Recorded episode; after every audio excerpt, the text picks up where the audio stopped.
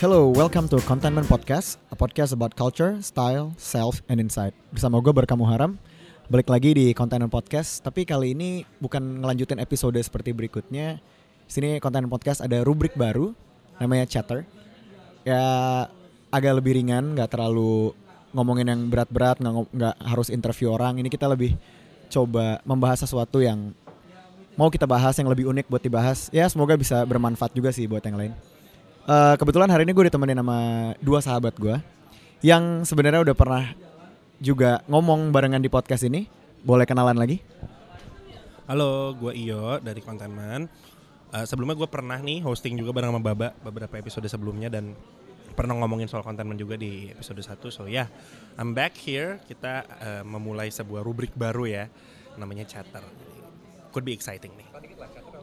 Chatter. Nah, jadi chatter itu sebenarnya em, kita sih ngelihat bahwa banyak podcast sekarang kan ngomonginnya, oh kita harus interview orang nih, and we talk about inspiring ini, inspiring stuff gitu. Cuman kita mikir kadang-kadang ada banyak juga sih mungkin hal-hal yang sebenarnya simply pengen kita obrolin aja, kita berbagi world view kita nih sebenarnya tentang topik-topik tertentu atau isu tertentu gitu. Jadi nggak harus yang sangat fokus kepada satu cerita bisa lebih ngalor ngidul kali ya istilahnya. Cuman ya hopefully ada beberapa yang bisa dibawa juga lah. At least ada perspektif baru mengenai hal-hal berdasarkan apa yang kita rasain dan jalanin sendiri juga. Kali gitu ya.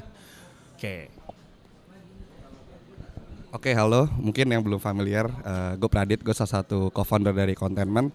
Jadi biasanya kan kalian dengernya yang nge-host tuh eh, Iyo sama Baba. Jadi di sini di rubrik ini nih gue lebih ikutan lah.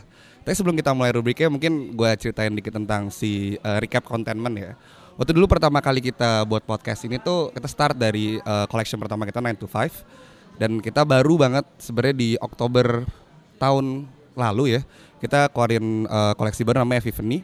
Jadi Epiphany itu uh, I think it's about celebrating uh, creativity yang lebih ke arah kita selebrasi ke historinya dan juga di sana kita ngambil inspirasi dari uh, Greek muses sama naturalist painter contemporary. Dan di sana uh, kita baru banget restocking uh, koleksi kita di Januari. Jadi kalian bisa banget uh, cek di website kita thecontentment.co. Gitu aja sih. Mungkin langsung ke siapa nih? Baba Iyo nih. Oke. Ya, gue lagi, gue lagi. Eh hari ini mungkin kita mau ngebahas sesuatu ya, ya. Eh, tentang bisa dibilang kayak ekspektasi ataupun misalnya eh sukses? Kayak definisi suatu kesuksesan di masing-masing kita tuh apa? Karena kalau misalnya abis ini yo bisa cerita mungkin ya kayak pertama kali dari kita ketemu kayak udah hampir lebih dari lima tahun kali ya? Lebih dari lima tahun. Eh, kita ketemu share mimpi apa zaman dulu terus eh, ya biar seru mungkin biar masing-masing bisa cerita deh kayak di, di recap dulu nih kira-kira yang pertama kali mempertemukan kita apa ya coba Eh, ya mungkin gue nambahinnya gini sih. Jadi eh, kalau misalnya kita mau ngomongin soal ekspektasi terhadap kehidupan profesional lah ya, let's say gitu. Misalnya ada ekspektasi karir, ekspektasi kesuksesan, pasti eh, I think we always have to look at ourselves from who we were dulu kali ya. Maksudnya kita nih berangkatnya dari mana, datangnya dari mana karena pasti setiap orang punya definisi yang berbeda-beda tentang itu dan kayaknya juga yang membentuk definisi itu pasti lingkungan, societal pressure, eh, apa yang kita baca gitu kan, siapa sosok idola pada zaman itu gitu. Kayak misalnya mungkin definisi sukses buat Gen Z nih adik-adik kita nih kan pengennya jadi youtuber gitu kan pengen jadi content creator tiktoker gitu. Tapi mungkin buat kita oh karena kita zaman zamannya wah lagi em, Mark Zuckerberg nih drop out Harvard bikin startup gitu kan lagi zaman itu banget. Jadi em, mungkin ada beberapa dari kita yang em, definisi suksesnya akhirnya adalah wah gue I can apa namanya be a young entrepreneur gitu kan. Terus habis itu di feature di mana-mana jadi speaker di mana-mana dan lain-lain. Dan yang nggak nolong lagi adalah karena kita sekolahnya sekolah bisnis gitu kan. Jadi kita bertiga nih as a background kita ketemunya pada saat kita sekolah eh, kuliah S1 di sekolah bisnis di Bandung dan akhirnya itu juga yang eh, membuat kita banyak terinvolve di project-project bisnis besar maupun kecil, iseng-iseng maupun serius gitu. Jadi Nah dari project-project bisnis yang kita involve bareng ini era we became best friends juga thankfully. Dan selain itu juga kita became ya business partners. Ada beberapa yang sampai sekarang ada yang punya side project side project segala macam. Karena memang ya backgroundnya itu kali ya that's what we know best. Itu yang diajarin sama kita selama yang satu. Makanya akhirnya nempelnya jadi ya gitu deh ya definisinya ter agak terpatok ke sana mungkin Pradit bisa ceritain kali pada saat awal-awal tuh emang kita project-projectnya ngapain sih terus perkembangan dari situ apa sih sampai kita jadi sekarang ini lima tahun kemudian Jadi eh, waktu waktu awal tuh ya semester 1 kan. Semester satu tuh sebenarnya kita awalnya nggak temenan. Ba- bahkan sebenarnya in fact gua nggak suka sama dua orang ini sebenarnya dulu. gak penting tapi. Eh, eh. Iya, jadi kayak mereka tuh selalu jadi kayak frontliner lah di sana kayak acara-acara mereka nyanyi terus habis itu kayak semua gitu gitulah. Iya, terus kayak lebih ya dikenal semua kan. Eh, dan gue di sana lebih kayak mungkin agak outlier lah gitu. Terus suatu hari tuh kita tuh baru banget awal-awal. Kita jadi waktu itu ada lah tempat nongkrong satu tempat kan. Terus di sana lagi ngobrol-ngobrol segala macem. Terus lucunya di sana gue emang kayak lagi minum kali ya. Lagi minum agak kayak ya tipsi lah ya. Terus habis itu mabuk lah ya. Terus di sana gue nggak tahu tuh kayak gue gue nggak tahu ke sambet apa tuh. Gue ngumpulin berapa tuh ya? Tujuh. Oh gue ngobrol sama dulu ya. Jadi gue inget tuh itu di kosan salah satu teman kita, Uyo namanya. Itu kayak lo lagi dalam keadaan yang mungkin udah enak banget kali ya. Terus kayak lo kita di tengah-tengah itu tiba lo bilang kayak gimana kalau kita bikin brand? Aduh gue pengen bikin brand banget nih. Kayak gue bisa lo bilang kayak gue lo bisa ngarahin kreatifnya, lo punya style segala macam. Terus lo kayak kita juga bisa bantuin deh dengan kayak eh, style lo sendiri. Terus kayak apa namanya pandangan lo terhadap eh, si brand itu atau fa- fashion itu sendiri. Terus lo ngomong ke gue. Habis itu kita kayak ngobrol ke ke Uyo. Hari itu malam itu tuh baru bertiga tuh yang diajak. Besoknya sampai kayak beberapa minggu ke depan tuh kita mulai ngajakin satu-satu. Ada Yuda, ada Iyo, ada Kevin, ada yang sengaja nggak jalan kayak Yuda lagi jalan gitu kayak eh ngobrol apa nih? Gue ikutan dong. Kayak ikutan lah Yuda di sana. Itu pertama kali banget tuh. Pertama kali banget mau coba bikin kemeja ya Dit ya? Kemeja. Coba coba. Gimana Dit? Jadi itu lucu waktu itu kita kita namanya brainstorm masih kecil lah ya, gak, gak tahu gitu kita kayak oh kita mau buat kemeja apa gini-gini kan terus dengan masing-masing tas foto kayak oke lu ngerjain operation, lu marketing, lu apalagi situ finance apa, padahal kita sebelumnya belum belajar apa pun di semester satu kan. Oh ada gift juga ya. Terus abis itu di sana akhirnya kita eh, kita baru bat, kita coba buat apa segala macam kita tuh ngumpulin uangnya gimana? Ini ya patungan kan?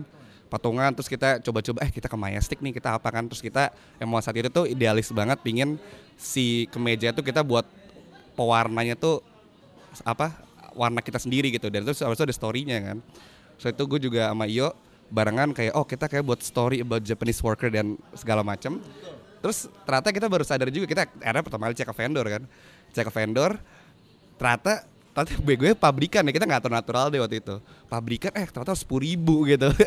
Lu buat sepuluh ribu kemeja gimana caranya kan? Sekarang kita majestic, kita mau beli sampel tapi masih galau, debat, akhirnya kayak kita sampai akhirnya nggak nggak buat apa-apa kan. kita gagal spending lah. boleh dibilang kalau ditambahin itu sebenarnya company gagal expense ya jadi bukan gagal making revenue bukan gagal dapat duit tapi gagal mengeluarkan uang karena kita udah naruh duit buat membeli segala sesuatunya tapi tiap kali datang ke Majestic atau ke vendor atau mau bikin contoh baju kita patungan lagi. Terus ya patungan patungan terus patungan. Duitnya nggak pernah dipakai. Tapi duitnya habis. Nggak tahu habis itu buat apa. Jadi kayak waktu itu benar-benar lucu ya. Jadi kayak sekerombolan eh, anak-anak yang baru dicikokin banget entrepreneur di tahun pertama kan ngelihat kayak di SBM tuh ada IBE ya, terus kayak yang senior-senior yang udah lulus tuh pada punya bisnis segala macam kayak inspired banget buat kayak kita harus bikin bisnis kita sendiri gitu ya. Kalau dari lo gimana yuk? Eh, gue sendiri sebenarnya salah satu orang yang diajak pas lagi jalan gitu. gue tidak involve pada tahun itu gue masih wah sangat perawan dalam segala hal ya, tidak tidak merokok, tidak minum, tidak apa-apa gitu. Saya betul-betul tidak mengenal dunia memang kebetulan karena gue waktu itu temenan sama si Uyo ini yang tadi disebut-sebut, akhirnya gue diajak. By the way ada Ojan juga di situ, ya kan. Nah terus abis itu eh, apa namanya? Jadi uh, gue juga waktu itu masih mikir kayak ini apa ya gitu kayak uh, I've also not I, I was I don't have any experience in business apalagi fashion kayak ya I like clothes for sure cuman gue nggak tahu juga harus harus ngapain nih kita harus mulai dari mana jadi semua tuh berbekal sotoy aja total gitu itu berarti 2012 awal ya 2012 gitu. Wow udah lebih dari lima tahun gila udah hampir 8 udah hampir 8 tahun. That was yeah that was a long time ago. Nah terus abis itu um, jadi ya itulah tadi seperti cerita Baba dan Pradit, company-nya gagal expense, kita gagal launching, produk ada sampel satu masih ada di rumah gua sampai sekarang, tuh ke meja gitu kan dengan uh, uh, dengan desain-desain warna-warna yang sangat partikular. Yang lucunya kayak life comes full circle, mungkin inspirasi dari koleksi kita yang ke depan ada beberapa diambil dari sana juga gitu, yang akhirnya 8 tahun yang lalu tidak jadi launching mungkin kita bisa launching di collection selanjutnya. Ini sekaligus sneak peek ya buat teman-teman supaya penasaran teaser lah. Kita kan sambil ngobrol sambil jualan juga nih. Jadi mohon dimaklumi ini podcast ini disponsori oleh Contentment ya inspired by meaningful urban living jadi kita harus ngomongin itu terus tetap jualan. Tapi ya gitu jadi itu lucu banget sih memang um, kalau nginget lagi gitu ya masa-masa itu gitu dengan dengan sangat foolish ya. Kalau gue bisa bilang udah udah borderline foolish itu sih kita coba-coba banget gitu. Tapi I think that was the genesis of who we were who we are right now gitu. Dan itu yang akhirnya menjadi milestone kenapa kita sampai sekarang amidst kerjaan kita yang lain dan segala macam masih pengen coba-coba bikin kayak gini karena ada beberapa bekas-bekas dari situ yang mungkin masih kasarnya gatel belum sempat digaruk gitu. Masih pengen kita cobain terus dan akhirnya um, itu menjadi suatu yang menarik. Nah tapi mungkin gue mau nambahin chapter selanjutnya nih. Chapter 2 nya dari pertema uh, chapter satunya kan tadi baju nih chapter 2 nya adalah jadi uh, untuk yang belum tahu di kampus kita kuliah itu ada uh, sebuah mata kuliah yang panjangnya selama satu tahun namanya Integrated Business Experience di mana ini mata kuliah yang mengharuskan uh, mahasiswa untuk membuat suatu bisnis yang short term lah ya bisa dibilang uh, revenue apa selling periodnya cuma 3-4 bulan tapi gimana caranya kita bisa ngebalikin uh, capital yang kita pinjam dari kampus. Jadi basically it's a value creating simulation untuk menggambarkan gimana sih how how does a how does a firm uh, a firm creates value gitu kan. Dan pada akhirnya karena emang short term banget jadi tentunya yang mudah untuk dipikirkan secara short term adalah ya kadang-kadang bisnis fashion, bisnis makanan, bisnis macam-macam yang yang lebih gampang lah gitu yang nggak perlu waktu lama untuk take off dan untuk dan modalnya harus intensif gitu dan banyak serendipity yang menarik sih di tahun kita kuliah karena it was actually the first time uh, di di kampus kita bahwa si mata kuliah itu tuh boleh milih tim. Jadi uh, ini sebenarnya behind the scene story-nya tuh juga panjang banget ya dan sangat dramatis. Tapi inti-intinya adalah uh, kita waktu itu sempat yang ini kita bubarin aja nggak sih bisnis kita yang pertama bikin tim masing-masing atau kayak kita jalan aja ya lanjut bareng-bareng terus kita cari tim member lain karena kita waktu itu bertujuh dan kita harus bersebelas ya. Jadi uh, eh kita berdelapan kita harus bersebelas jadi kita kurang tiga lagi. Terus kita akhirnya mikir wah gimana nih caranya gini-gini segala macam sampai akhirnya kita uh, invite over tiga teman kita uh, Devina, um, Lelen, Meliana dan juga Maggie yang sekarang stay di Contentment untuk kayak yaudah kita gabung aja yuk gitu. Kita join forces nih untuk bikin si bisnis ini bersebelas gitu. Dan waktu itu uh, gue dipercaya menjadi CEO-nya gila ya zaman dulu anak-anak kuliah title udah CEO gila banget. Gue kalau sekarang nih ya gue liat LinkedIn anak-anak ini ya kayak chief something something gue kayak gokil juga loh nih anak-anak kuliah udah CEO aja gitu kan. Biasanya kalau CEO gitu eh CMO apa sekarang minimum experience 10 tahun gitu. Ini apa ini kayak gak ada gitu. Bahkan cuma tiga bulan ada lawakan kayak ini orang-orang titlenya VP jadi VP prefrontal cortex lo aja belum gitu lo belum bisa jadi VP diri lo sendiri udah jadi VP anyway pokoknya waktu itu gue dipercaya dan akhirnya um, jadi gue lumayan sih I think uh, I did a lot of research di situ kayak uh, mikirin apa namanya team structure-nya harus seperti apa dan segala macam. Kayak itu itu menjadi sebuah apa namanya menjadi sebuah learning juga sih waktu itu buat gue uh, dan juga untuk uh, tim yang lain gimana sih caranya set up a small company gitu. Dan waktu itu kita decide dari beberapa ide yang ada nih kita outsource banyak-banyak ide terus ternyata satu ide yang kita settle with adalah si leather goods ini. Tapi leather goods bukan cuma sekedar leather goods ada twistnya nih leather goodsnya. Waktu itu kebetulan twistnya kayaknya datang dari teman kita yang namanya Baba bener nggak Mbak? Mungkin lo cerita dulu nih twistnya nih apa sih nih leather goods tapi ada sentuhan financialnya? Ini zaman dulu belum ada joska joskaan financial financial planner belum ada loh belum hype. Kita udah ada financial management dari zaman kuliah gue juga nggak paham. Sampai sekarang gue nggak bisa ngurus finance sendiri. Tetap aja kita waktu itu idenya ambisius memang Iya, itu lucu sih sebenarnya. Jadi kayak eh, di tahun IBE, eh gue nyebut merek ya nggak apa-apa lah ya. Oke, di, di di tahun itu diharuskan eh, sebuah company yang kita buat tuh harus ada irisannya dengan teknologi kan. Karena waktu itu lagi zamannya banget kayak semua lagi super teknologi banget deh. Semua harus pakai ada tech-nya, ada tech-nya dan segala macem. Jadi eh, kita harus eh, mikirin kan apa nih yang mau kita bikin yang ada eh, eh, kayak brandnya secara itu yang paling mudah buat dibikin waktu itu kan sama ada teknologinya. Kita muter-muter pernah mau bikin mesin kopi ya ya. Iya mesin kopi. Ada idenya Iyo gitu karena sebelum kita gabung jadi- jadi satu tim kita harus present ide masing-masing gitu kan. Kayak Iyo kalau nggak salah mau bikin kopi waktu itu Yuda mau bikin kayak di mobil buat misahin koin yang kayak gitu ya kan? Koin shorter terus kayak waktu itu ada ide apa lagi? Eh, lalu tiba gue eh anak duit nih anak iya. Anak anak duit nih. Karena gue inget waktu itu gue pernah nonton sebuah acara TV eh, jadi kayak seorang financial planner bilang lo harus misahin duit lo gitu. Dengan ba- lo punya budgeting ini buat makan ini buat transportation ini buat entertainment dan ini buat others gitu. Terus kayak hmm gimana kalau itu kita gabungkan dengan leather goods yang kita punya. Jadilah yang namanya waktu itu sebut merek nggak apa-apa kan?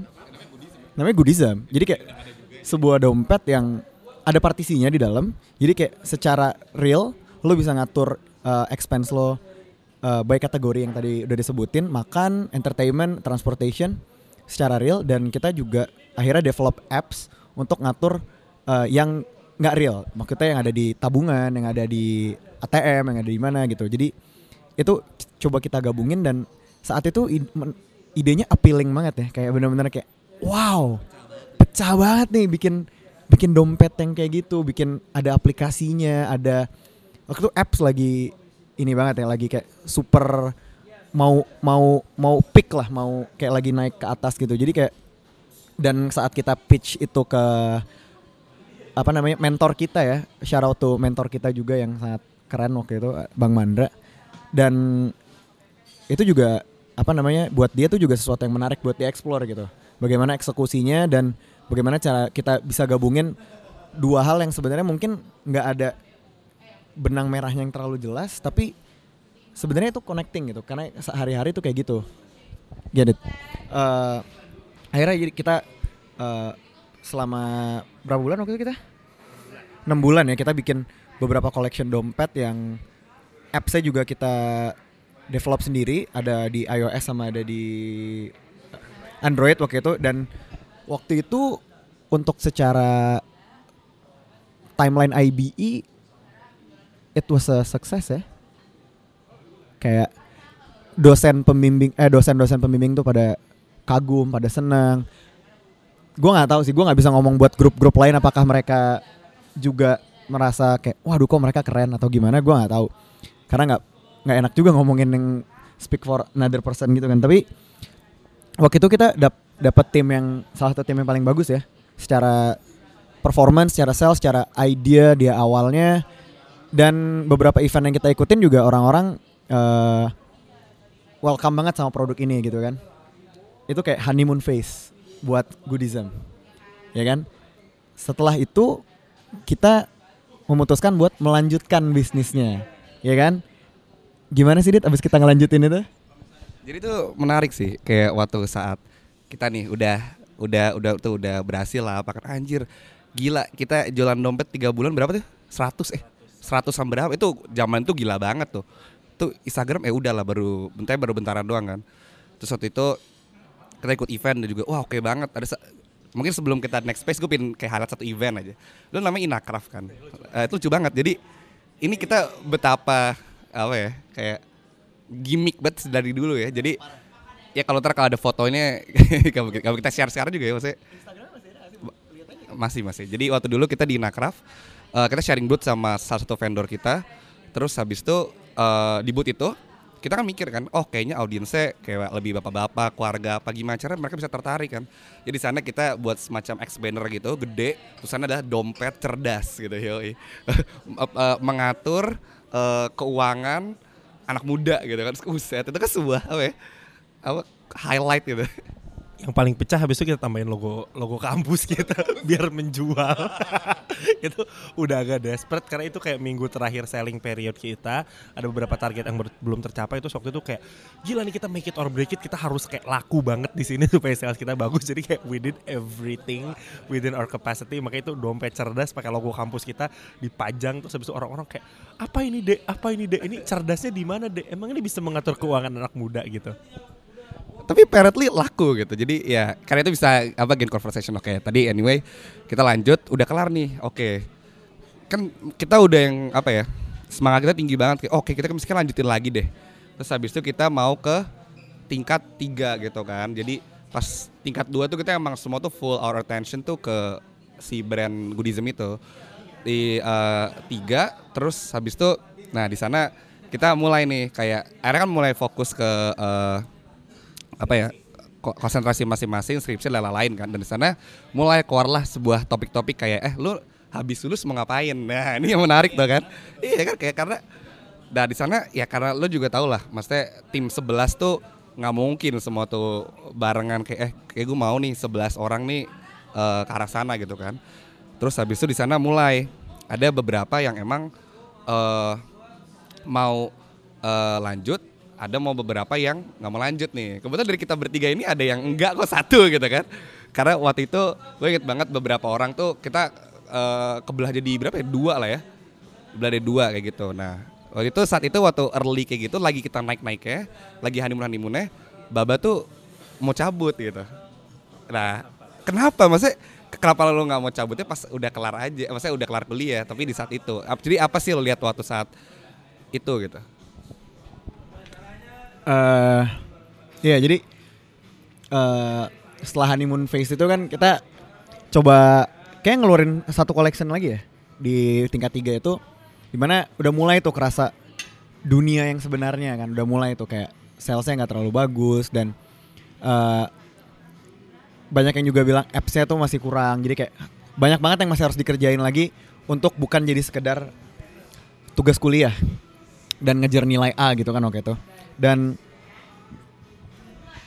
kalau boleh dibilang eh kita kita sebagai kayak SN berempat tuh kan salah satu yang dari awal kayak paling waduh ini masa depan banget nih kita bisa ngegedein dan segala macam. Ya oke berempat sama Kevin Kevin Putra. Eh, jadi kayak apa namanya di situ tuh yang bikin kita salah satu yang bikin kita deket banget adalah Goodism ya. Kayak kita bisa sampai kayak traveling bareng dan segala macam. Oh iya, traveling bareng dan segala sorry, terlalu semangat jadi kayak biasanya nyanyi soalnya jadi mereka harus dekat. nah, terus di saat kayak kita udah mulai kayak share mimpi kayak oke kita mau gedein goodism lah dan segala macam. eh di tingkat ketiga sebelum kita semua lulus dan waktu itu sebenarnya udah mulai agak renggang karena yang lain ngambil marketing dan mau ngambil finance. Kita udah mulai tuh kayak udah jarang ketemu, tugasnya beda, mau kerjain bareng tuh juga susah gitu karena kayak masing-masing punya tugas sendiri, jadwal kuliah udah beda, tugas yang gue kerjain beda, tugas yang mereka kerjain beda. Jadi dan eh di mana saat itu gue melihat ada eh apa ya namanya opportunity lain lah yang eh, sepertinya lebih tangible, lebih bisa diraih dan lebih saat itu ada jal, sudah terlihat jalannya Eh, dibanding waktu itu memilih untuk stay dan apa ya namanya stay dan ngerjain itu sampai lulus gitu kan. Karena waktu itu yang yang pengen stay itu rata-rata abis kuliah pengen ngelanjutin bisnisnya dan full time entrepreneur kan ya waktu itu. Kayak dan di saat semua lagi memikirkan gitu gue ngelempar bom nih. Tiba-tiba kayak ke tiga teman gue Pradit Iyo sama Kevin kayak kayak gue keluar duluan deh. Kayak jeng jeng jeng jeng gitu kan kayak, kayak kenapa kenapa? Ya kayak gue mau kerja di Jakarta gue pengen jadi konsultan kayak satu di salah satu perusahaan konsultan keuangan lah. Which di mana sebenarnya saat itu gue belum keterima gue belum siapin CV gue belum daftar bahkan. Gue kayak cuman tahu namanya dan kayak kayak gue mau kerja di sana deh. Dan itu sempat membuat hubungan menjadi renggang ya. Ya ya kalau coba itu kan kayak misalnya sempat agak-agak gimana gitu kayak coba diceritain dari yang ini jadi ranahnya agak lebih personal ya tapi nggak apa-apa juga sih. Maksudnya karena waktu itu eh, gue personally tuh juga mengalami berbagai macam perubahan versi lah ya di hidup gue. Namanya juga ABG mungkin ya jadi baru mengerti dunia dan semua kompleksitasnya gitu. Jadi di saat gue menjadi young CEO ini nih dengan LinkedIn dan segala macamnya tuh lagi baru hype-hype-nya gue tuh juga sempat di fase yang kayak eh kita mau ngundang lo dong buat jadi speaker nih di acara ini. Kita mau ngundang lo dong buat di feature di buku tentang yo- youthpreneurship segala macam. Dan I actually enjoyed it. I, to be very honest with you guys kayak gue sangat menikmati tuh waktu itu role gue di tingkat tiga di mana kayak oh I am an aspiring young leader punya brand gitu kan segala macam uh, I mean it was part of me and it is still some part of me juga gitu kan terus tapi em, ya di situ memang jadi semangat entrepreneurship itu gue berusaha banget tuh waktu itu masih menularkan. Karena mungkin juga partly karena aduh gila nih I'm losing my tongkrongan ya kalau misalnya kita nggak kalau kita nggak bisnis bareng ntar teman-teman gue ini yang eh, eh, kayak ini gimana nih tongkrongan gue juga? Gitu hitungannya. Kita ngob- ngobrol sampai malam sebenarnya ya semi kerja semi nongkrong jadi agak-agak blur juga gitu pada waktu itu tujuannya. Terus jadi ketika ada satu orang yang kayaknya ini nggak buat gue deh. I actually feel personally offended gitu kayak kenapa lo nggak mau lanjutin? Bukannya waktu itu lo pengennya gini-gini gitu-gitu. Jadi em, sempet lah memang jadi agak renggang hubungan kita maaf ya waktu itu masih muda jadi belum berpikir secara logis dan rasional gitu. Tapi em, ya dan dan setelah baba pun satu persatu akhirnya teman-teman menemukan bahwa oh this is not for me this is not for me mundur mundur mundur mundur. Kita waktu itu udah sempat lumayan rapi padahal punya kantor kecil gitu di rumahnya di gudangnya teman kita Kevin. Dia, punya gudang kecil gitu jadiin kantor gitu kan. Terus kita punya jam kantor di tengah-tengah. Eh kan everything start from garage ya. Apple kan start from garage kita juga start from garage. Warehouse emang warehouse sebelahnya garasi. Nah terus habis itu em, satu persatu kayak oh ini not for me not for me not for me. Dan every time I have that rejection tuh to be honest small, small part of me die gitu. Kayak oh tidak nih gue kehilangan lagi satu orang satu orang. Mundur mundur mundur sampai kayak waktu itu kita sisa yang lumayan rajin kerja bareng tuh kayak tinggal berenam ya. Apa apa waktu itu masih lumayan banyak sih kayak sempet berdelapan keluar tiga eh ya keluar tiga berdelapan terus berkurang berkurang berkurang berkurang sampai eh, intinya tim apa namanya tim yang intinya banget nih itu eh, juga masih bingung gitu. Kayak ini kita harus apain ini bisnis dan personally dari gue nya sendiri pun juga masih bingung nih abis kampus gue harus ngapain ya? Karena I mean just to share with you guys as a context of kuliah jadi pada saat gue kuliah pun gue anaknya lumayan ambisi ya. Karena emang gue tipenya dari zaman dulu begitu gitu. Jadi gue ikutan lomba-lomba banyak. Pernah ikut yang Leaders for Indonesia nya McKinsey pernah ikut uh, Unilever Future Leaders League terus habis itu menang gitu kan. Terus pernah ikut L'Oreal Brainstorm dan segala macam gitu. Karena partly juga gue yang masih kayak wah ini kehidupan korporasi besar ini juga kok menarik gitu untuk dieksplor. Jadi ada suatu bahasa internal kita tuh perpecahan pribadi lah gitu di dalam diri sendiri kayak sebenarnya habis kuliah gue pengennya jadi apa sih? Pengen ngapain sih? Apakah pengen jadi entrepreneur? Apa pengen kerja atau apa gitu. Gue juga waktu itu masih bingung. Terus ya sampai pada akhirnya nih di suatu titik ini gue ceritain journey gue dulu ntar gue ceritain journey-nya Pradit juga ya. Jadi ini kan ceritanya Baba nih udah fokus nih kan mau mengejar mimpi dia kerja di konsultan keuangan yang gedungnya di Bundaran HI itu lah pokoknya. Yang yang itu deh yang yang huruf depannya D gitu kan. Nah terus habis itu em, apa namanya si eh, yang lain-lain nih masih galau-galau mau ngapain sampai akhirnya gue juga waktu itu di invite untuk ikutan interview salah satu consulting firm juga tapi bukan financial ini manajemen consultant yang paling oke lah gitu eh, huruf M. Nah terus habis itu eh, dari situ terus gue ikutan ikutan ikutan tesnya lah kok keterima gitu? Terus kalau ini keterima kan ini menjanjikan sekali ya banyak banget nih founder-founder yang kayaknya bermula di sini gitu. Kayak kebetulan founder Gojek yang sekarang jadi menteri kantornya dulu awal-awal di situ. Founder Ruang Guru kantor awal-awal di situ. Banyak banget nih kayaknya. Kayak kalau gue di sini gue bisa nih ntar ke depan mengikuti jejak langkah mereka. Naif pada saat itu masih berpikir untuk diri sendiri. Jadi itu juga merupakan suatu kegalauan banget tuh ini gimana caranya ya gue pengen ngejalanin ini sebagai full time entrepreneur. Tapi gue juga dapat opportunity-opportunity yang exciting dan akhirnya waktu itu gue memutuskan untuk uh, masuk ke sana dan mau nggak mau marok gitu apa bagi dua gitu kan. Which was proven to be an impossible task karena kerjaan gue sebagai konsultan require gue untuk fly back and forth ke tempat-tempat yang ajaib kayak Kalimantan dan lain-lain gitu. Jadi it was it was it was a big massive headache lah. Tapi at the same time mungkin Pradit juga mau bercerita personal journey dia nih di periode-periode ini setelah mau lulus kuliah gitu. Jadi funny thingnya kayak kita nih yang waktu semangat banget kan. Terus kayak waktu awal emang gongnya dari Baba kayak oh Baba gue mau cepet duluan. Saat abis itu Iyo ternyata dapat itu. Terus akhirnya ya gue juga kepikiran lah ya kayak oh ini sebenarnya bisa gak sih buat gue living apa? Tapi dari dulu gue selalu tahu kayak oh kayaknya gue emang pengen jadi ya entrepreneur lah gitu.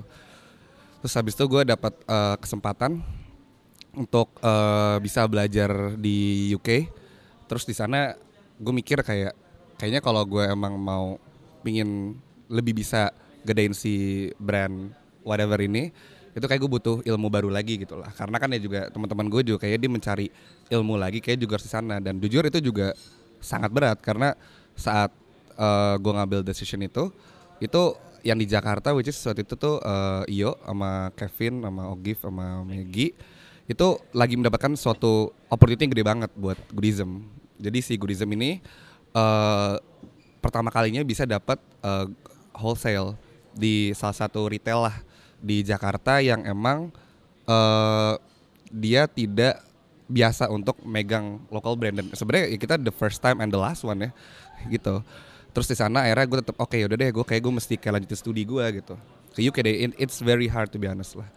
Waktu di sana gue masih kayak lihat hanya ah, di Instagram semua orang masih coba ngerjain apa segala macam tapi di sana ya gue awalnya kayak enggak lah gue bisa lah di sana gue ngorin uh, desain uh, baru apa? Karena gue lebih sana kan lebih ke arah ke kreatif lah gitu kan. Terus saat itu susah gitu. Dan inilah kayak waktu di kuliah itu saat kita mikir si bisnis itu bakal lanjut terus ternyata emang honeymoon phase dan segala macam itu selesai di kuliah itu. Dan itu masa-masa terindah gitu. Dan itu juga si Goodism yang ngebuat jadi kita makanya terus temenan gitu kan. Dan mungkin ya lucunya orang mungkin banyak nongkrongnya tuh di acara apalah atau enggak di mana. Kita kebetulan nongkrongnya karena bisnis gitu kan. Terus makanya di sana kita lanjut ke phase 3 ya berarti ya. nah phase 3 ini adalah kita udah cabut tuh semua dari uh, Goodism lah. Gue studi gue di UK dan saat gue waktu pertama kali mau ke UK wah gue pikirannya kayak eh, gue pasti bisa nih apa apa segala macem belajar. Terus ah, ternyata gue end up di sebuah kota kecil banget. Itu itu kota tuh gimana deh kayak Jatinangor eh, enggak lah Jawa Barat sana lagi Garut lah gitu kan. Terus di sana emang jujur gue lost banget. Gue pertama kali uh, adapt dengan orang-orang di sana itu susah banget bahasa ya karena uh, eh, gue mungkin biasa dengerin kayak American English sedangkan kayak British tuh kayak kumur-kumur gue dengerin kan.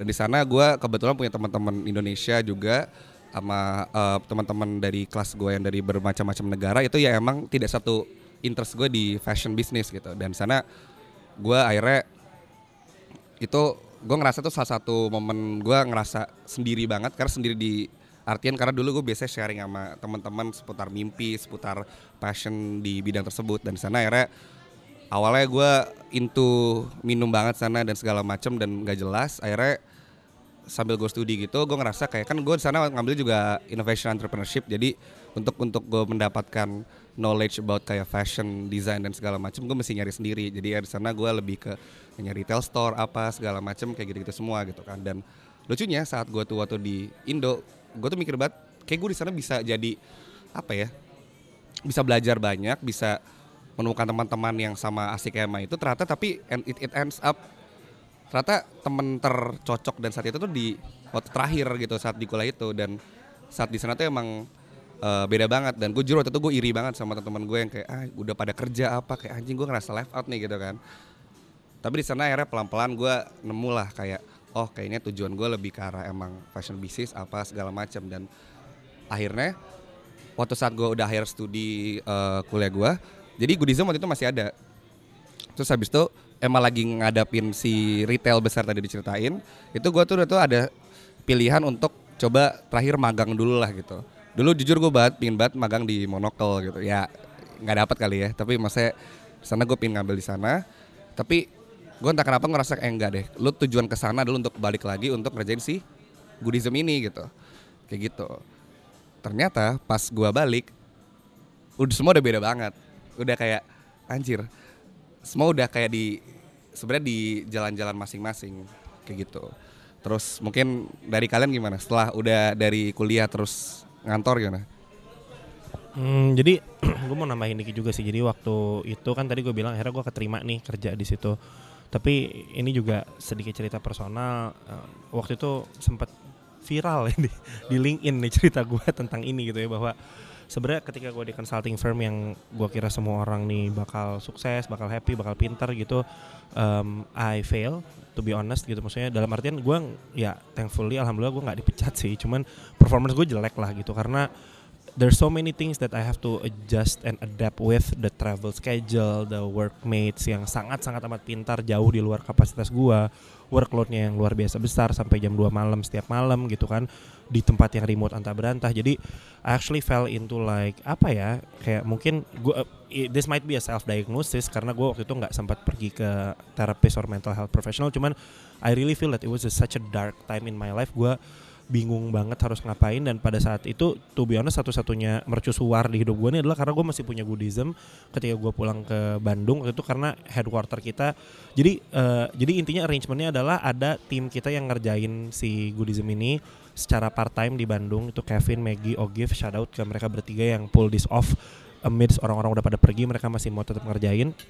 Gue bantu biasanya setiap weekend setiap gue pulang kalau gue bisa kesempatan untuk pulang dan waktu itu gue yang bantuin misalnya ngejebolin ke si retailer itu. Salah satu momen terbangganya ini masih ada terekam di Instagram gue di mana-mana adalah gue nge-install fixtures di toko retail itu gitu kan. Dan kayak gue bangga banget karena waktu itu weekend gue nge-installnya gue lihat itu came to life dan segala macam kayak it was it was such a beautiful hope gitu untuk gue yang waktu itu lagi kayak duh gue jujur lost banget juga gitu. Dan ternyata periode transitioning antara kuliah dengan mimpi-mimpi kuliah dan realita hidup tuh juga beda banget gitu kan sampai pada akhirnya gue dapet uh, suatu kesempatan untuk keluar dari environment itu yang nggak cocok buat gue. I mean, it's great. I really recommend people who wanna go there to learn, of course. And my friends are all very successful. They're doing great job in great companies. Tapi mungkin gue nggak sama aja sama mereka kali ya. Definisi gue terhadap apa yang penting di karir gue pada saat itu beda. Akhirnya gue memutuskan untuk pindah ke salah satu uh, waktu itu ceritanya gue di approach sama salah gimana ya arrangementnya agak ribet sih intinya kalau diceritain secara detail. Cuman intinya gue tiba-tiba di approach untuk ngerjain strategi and business development di sebuah retail company juga. Tapi ini idola gue banget nih and the co-founders finally became my friends. That was one of the dream come true juga gitu ya dan beberapa juga ada yang gue masih kerja bareng mereka. Jadi ini um, intinya curated retail store pertama di Indonesia yang ngebawa brand-brand lokal, fokusnya di fashion dan F&B, ada di banyak mall-mall di Jakarta dan gue sangat mereka juga bikin event tahunan yang gede banget. Ya ketebak lah ya kira-kira retail store-nya apa gitu. Cuman intinya akhirnya gue pindah ke sana dan I actually find my true calling kali ya kalau misalnya dibilang gitu di mana ternyata gue suka banget nih emang ngerjain fashion gitu. Dan di situ fokus gue kan juga buka retail store ngerti VM ngerti merchandising ngerti segala macam. So everything that's detailed in the fashion industry I owe it for the co-founders of my ex office gitu. Jadi kayak gue sangat bersyukur sih gara gue keluar dari dari consulting firm dan pindah ke sana dan memulai uh, kehidupan yang baru lah untuk bekerja di sana sambil gue waktu itu masih berusaha nge-pull off si Buddhism ini supaya dia bisa jadi something gitu. Nah tapi kita tadi udah cerita banyak soal Buddhism. Mungkin kita balik lagi ngecek ke situasinya teman kita yang udah nggak di Buddhism nih, yang namanya Baba yang keluar awal-awal kali ya. Nah ini lu nih selama kita lagi kayak drama-drama ini, lo kan udah drama free ya, lo udah di luar sana gitu. Lo lo ngapain nih? What get? Apakah mimpi lo yang waktu itu tercapai apa gimana nih? Sebenarnya uh, awal dari pertama kali gue mengeluarkan bom tersebut dan pertemanan lumayan renggang tuh itu sebenarnya juga lumayan susah sih karena gue juga ngambil gamble yang uh, lumayan gede. Karena balik yang tadi gue kayak gue omongin gue bahkan belum apply ke sana gitu. Jadi kayak akhirnya ya setelah ada pembicaraan dan segala macam akhirnya apply tes dan masuk. Dan sejalan dengan apa yang waktu itu gue pikirin saat itu. Dan kenapa gue milih ke sana karena menurut gue itu tempat belajar yang pas banget Eh gue ada di bagian kayak merger akuisisi perusahaan gitu. Dan eh walaupun akhir eh, aw- mas- awal-awal gue kerja ya se- kerasa sepi ya gara-gara kayak tadinya tiap hari tuh ada teman bisa diajak ngobrol segala macam. Terus eh, Iyo udah mulai sibuk dengan consultingnya Pradit yang sudah hilang ke negeri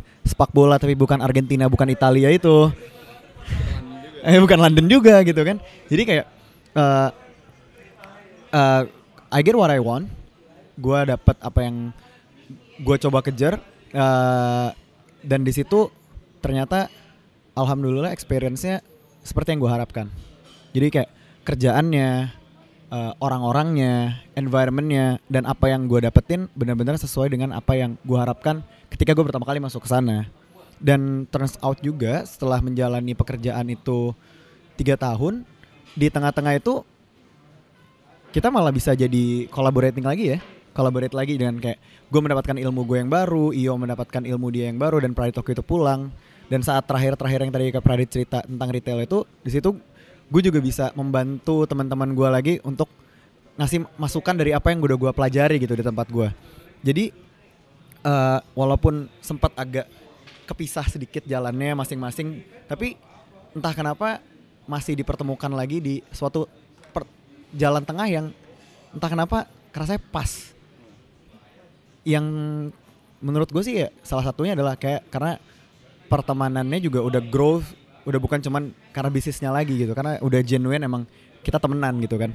Jadi kayak eh kayak gitu. Tapi untuk secara personal eh it's a very very eh, apa ya experience yang sangat-sangat berharga buat gue dan ngebentuk gue menjadi profesional yang sekarang secara pengetahuan dan secara eh, bekerja juga dan ilmunya kepake banget sampai saat ini pun gitu. Jadi kayak waktu itu jadi menurut gue itu pilihan yang benar-benar oke. Walaupun gue juga nggak tahu waktu itu kalau misalnya gue nggak melakukan ini stay aja di Goodism gue nggak tahu sih sekarang gue kerjanya apa dan gue bakal ngapain gitu sekarang itu sih kalau dari gue tadi jadi kayak harus ada leap of faith-nya sedikit untuk lo bisa ngejar apa yang lo mau dan akhirnya ternyata dibalikin lagi gitu ke jalan awalnya Jadi pas banget sih mas. Saya, ini mungkin lebih ke last phase ya lah.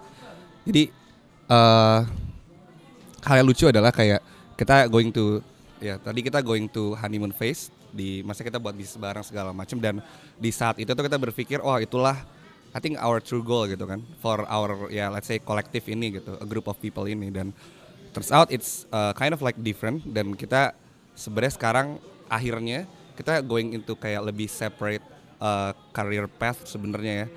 Dan maksudnya gue still in the uh, retail industry dan uh, ngerjain uh, brand manager salah satu distributor gitu. Iyo juga uh, menjadi uh, marketing director di salah satu startup fashion juga.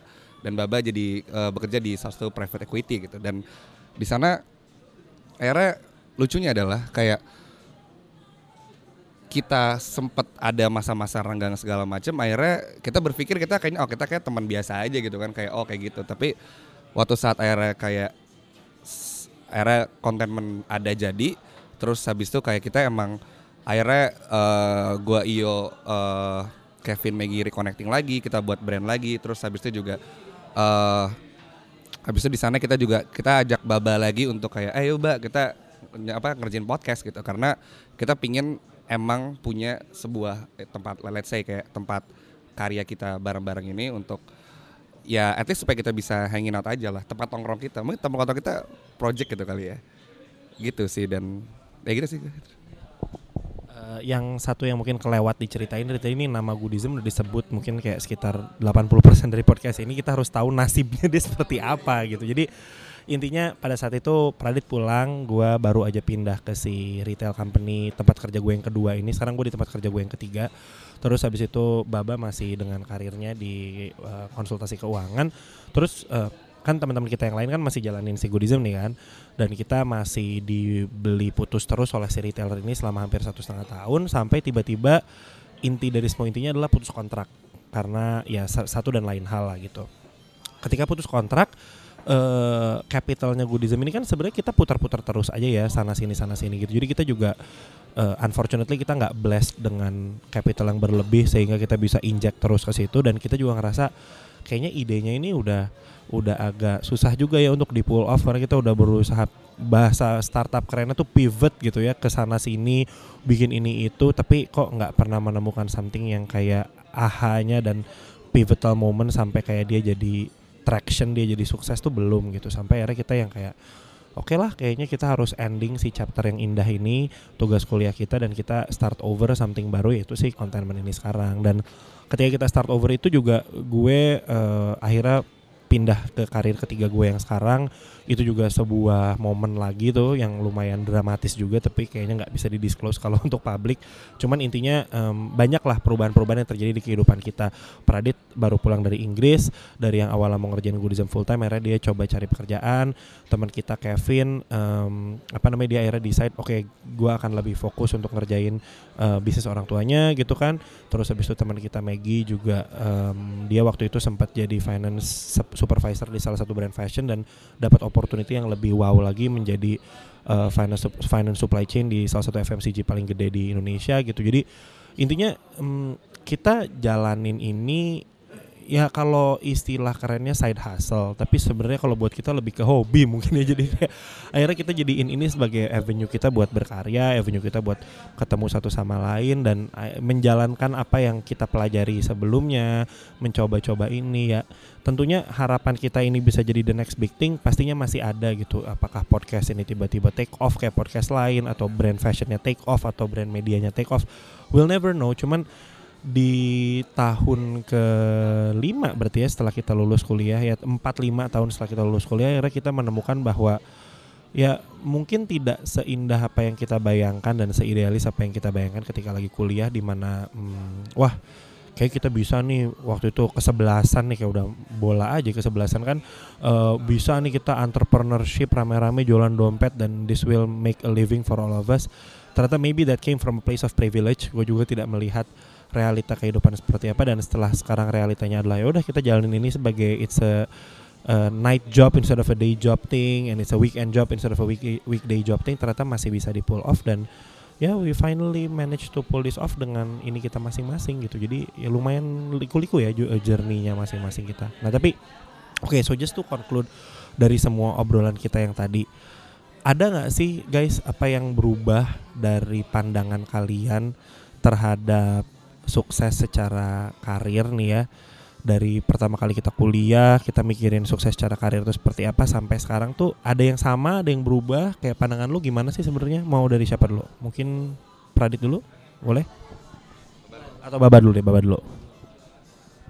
Oke, jadi kalau berubah dari kuliah berubah sih. Eh, apa yang dulu lebih naif, lebih kayak eh ya kayak tadi yang Yo bilang ada kayak ngerasa masih privilege banget dan bisa eh kayak melakukan apa aja gitu kan. Dan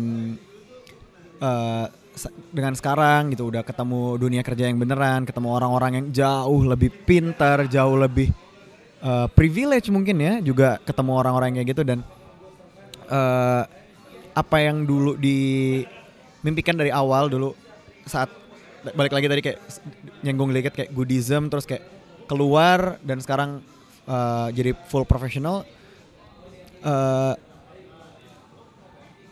berubah sih karena eh, kadang-kadang kita bisa mimpi sesuatu menurut gue tapi eh, by the end of the day kita juga harus eh, agak sedikit adjust dengan apa yang terjadi di dunia ini gitu. Karena eh, kita nggak pernah tahu eh, menurut gue di depan tuh yang benar-benar pasti itu apa kan? Jadi kayak eh, lo boleh banget mimpi mimpi kan gratis. Jadi kayak lo boleh banget mimpi buat jadi apa pun jadi yang segede apa pun yang lo mau. Eh, tapi tetap harus juga ngelihat realita yang ada gitu. Walaupun juga nggak boleh menurut gue kayak terlalu ngelihat realita dan nggak berani bermimpi sama sekali gitu. Dan akhirnya lo cuman eh, melakukan apa yang kayak ya udahlah gini-gini aja terus ini juga udah oke gitu kan. Eh, kalau menurut gua itu sih yang yang beda banget adalah kayak gimana lo waitingnya di mana kayak kapan lo harus bermimpi lebih besar, kapan lo harus agak realistis sedikit, kapan balik lagi eh, mimpi lo lo gedein lagi, kecilin lagi atau misalnya kayak semua tergantung dengan eh, yang lo yang life give you at this moment juga gitu. Karena ya kayak gue juga nggak pernah tahu gue bakal keterima waktu itu atau enggak ke suatu eh, di perusahaan tersebut tapi gue udah memutuskan buat keluar ternyata keterima dan nggak jadi musuhan dan sekarang malah temenan lagi udah jauh lebih baik dan eh, apa namanya udah dapat benar-benar spot yang enak buat collaborating bareng-bareng gitu di, di satu ini. Jadi kayak eh, menurut gue sih eh, along the way pasti definisi sukses tuh bakal berubah dan apa yang lo pengen tuh juga bisa berubah.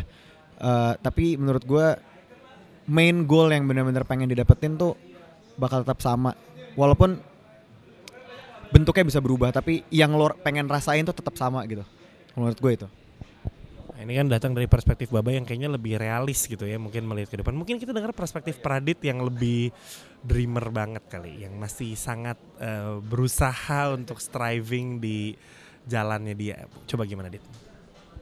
Jadi gini sih, maksudnya eh jujur saat habis ya pas habis kayak jadi sebenarnya mimpi itu tuh itu lucunya adalah pas habis lulus kuliah dan kerja dan ya habis segala macam itu itu tuh kayak sebenarnya kayak berubah-berubah tapi sebenarnya sama gitu. Kayak gue tuh pernah eh, mikir gitu kan kayak dari sebenarnya dari sekolah dari SMA SMP gitu kayak my dream tuh pengen banget ngeran eh, fashion business gitu ngeran fashion business kan.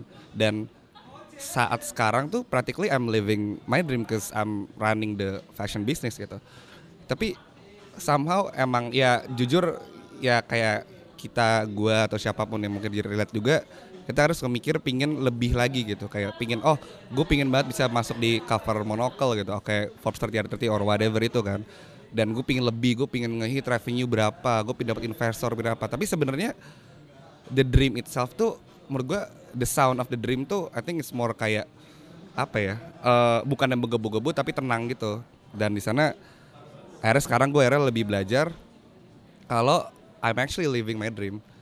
I'm actually living my dream dan sebenarnya saat kuliah tuh saat kuliah mimpi gue tuh apa sebenarnya sama tapi kemarin-kemarin sempat ada kayak ya perpecahan di dalam lah lebih kayak kok gue belum nyampe ke titik itu ya? Oh kok gue belum bisa trade show luar ya? Kok bisa apa segala macam gitu? Tapi sebenarnya gue I'm actually living my dream dan this kind of mindset yang gue pingin terus keep dengan itu karena menurut gue siapa sih yang pingin mim- mimpi lagi dah indah terus tiba-tiba pecah terus eh balik ke realita lagi gitu kan? Makanya gue pingin sebisa mungkin untuk kayak terus living my dream which is kayak terus menikmati apa yang eh gue lakuin itu aja sih sebenarnya.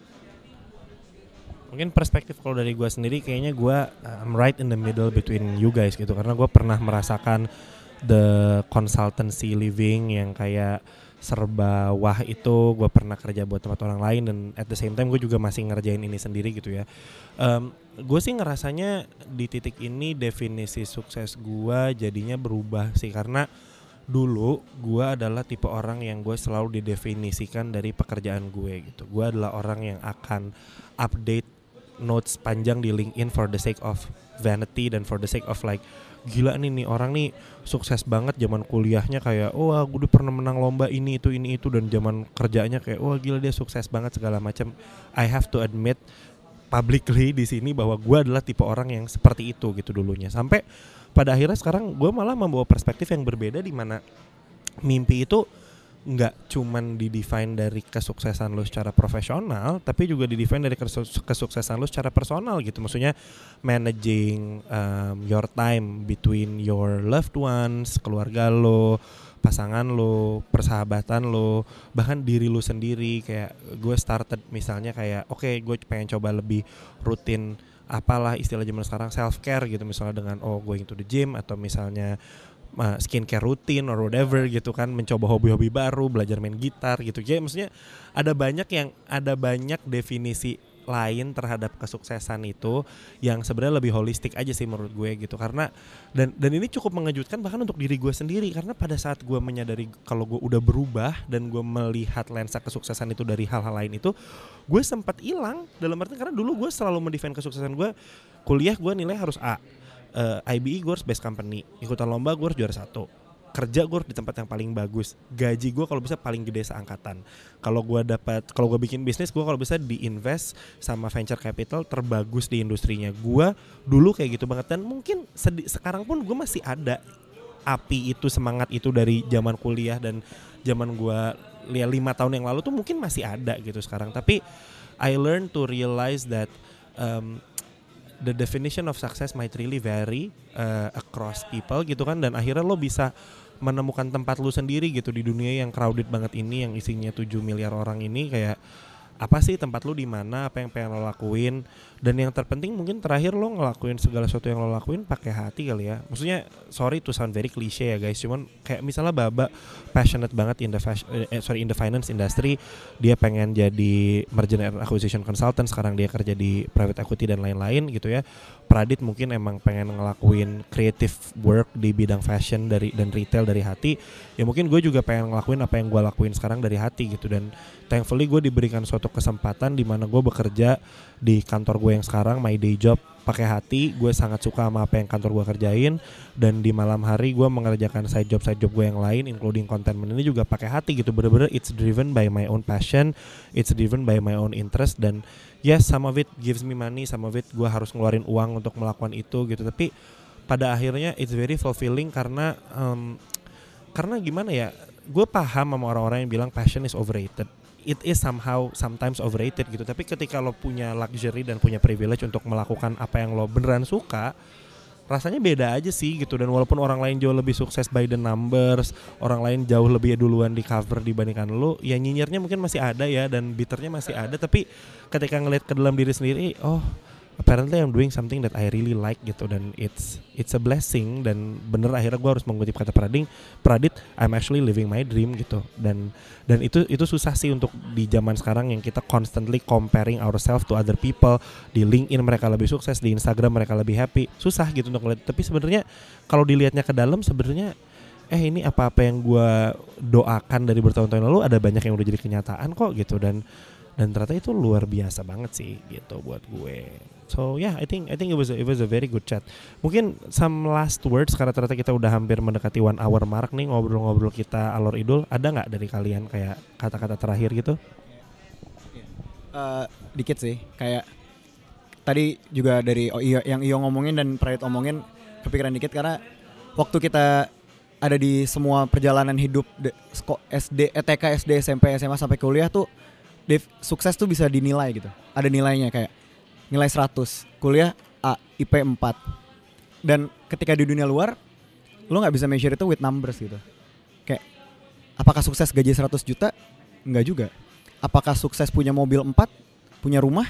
Enggak juga gitu kan. Jadi kayak uh, itu nggak bisa di divine dengan numbers.